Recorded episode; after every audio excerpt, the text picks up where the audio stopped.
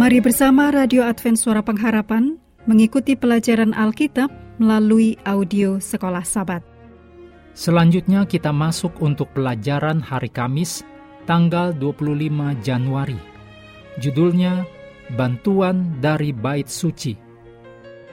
Mari kita mulai dengan doa singkat yang didasarkan dari Mazmur 34 ayat 5. Aku telah mencari Tuhan, lalu ia menjawab aku dan melepaskan aku dari segala kegentaranku.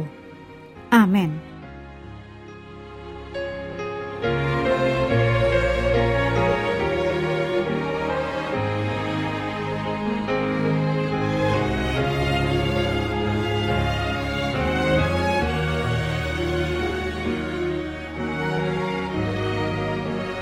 Sumber datangnya pertolongan yaitu bait suci dapat ditemukan dalam Mazmur 3 ayat 5, Mazmur 14 ayat 7, Mazmur 20 ayat 2 sampai 4, Mazmur 27 ayat 5, Mazmur 36 ayat 9, Mazmur 61 ayat 5, dan Mazmur 68 ayat 6 dan 36.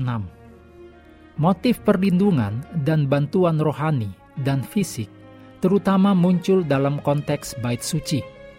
Bait suci adalah tempat pertolongan, keamanan, dan keselamatan. Bait suci menyediakan tempat berlindung bagi yang bermasalah.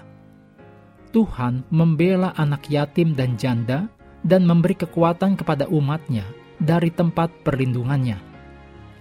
Ketika dari Sion, puncak keindahan, Allah tampil bersinar Demikian ditulis dalam Mazmur 50 ayat 2. Penghakiman Allah yang benar diberitakan dan berkat Tuhan mengalir keluar. Ditulis dalam Mazmur 84 ayat 5, Mazmur 128 ayat 5, dan Mazmur 134 ayat 3.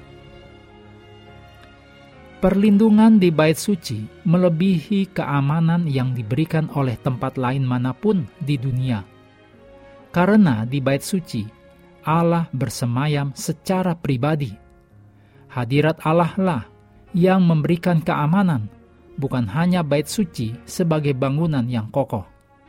Demikian pula, Gunung Sion melebihi gunung-gunung lain, sebab adalah gunung tempat tinggal Tuhan, meskipun Gunung Sion itu sendiri merupakan gunung yang sederhana. Anda bisa lihat dalam Mazmur 68 ayat 16 dan 17, juga Yesaya 2 ayat 2. Ibrani 4 ayat 15 dan 16 menuliskan, Sebab imam besar yang kita punya, bukanlah imam besar yang tidak dapat turut merasakan kelemahan-kelemahan kita. Sebaliknya sama dengan kita, ia telah dicobai, hanya tidak berbuat dosa Sebab itu, marilah kita dengan penuh keberanian menghampiri tahta kasih karunia, supaya kita menerima rahmat dan menemukan kasih karunia untuk mendapat pertolongan kita pada waktunya. Kekudusan bait suci Allah mendorong pemazmur untuk mengakui bahwa semua orang berdosa sama sekali tidak layak menerima perkenanan Allah dan pemazmur menyatakan bahwa pembebasan hanya didasarkan pada kesetiaan dan kasih karunia Allah saja. Demikian ditulis dalam Mazmur 143 ayat 2 dan 9 sampai 12.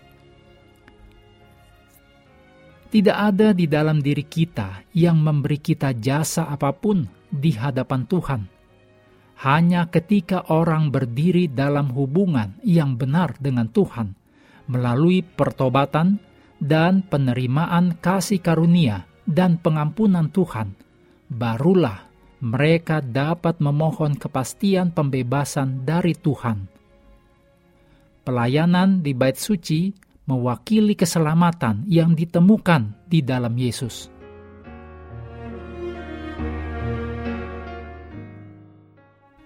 Mengakhiri pelajaran hari ini, mari kembali ke ayat inti, Mazmur 34 ayat 18.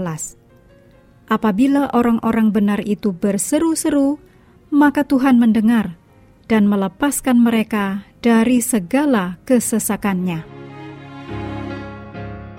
Kami terus mendorong Anda bersekutu dengan Tuhan setiap hari, bersama dengan seluruh anggota keluarga, baik melalui renungan harian, pelajaran sekolah sahabat, dan bacaan Alkitab sedunia, percayalah kepada nabi-nabinya, yang untuk hari ini melanjutkan dari Yesaya pasal 63. Tuhan memberkati kita semua.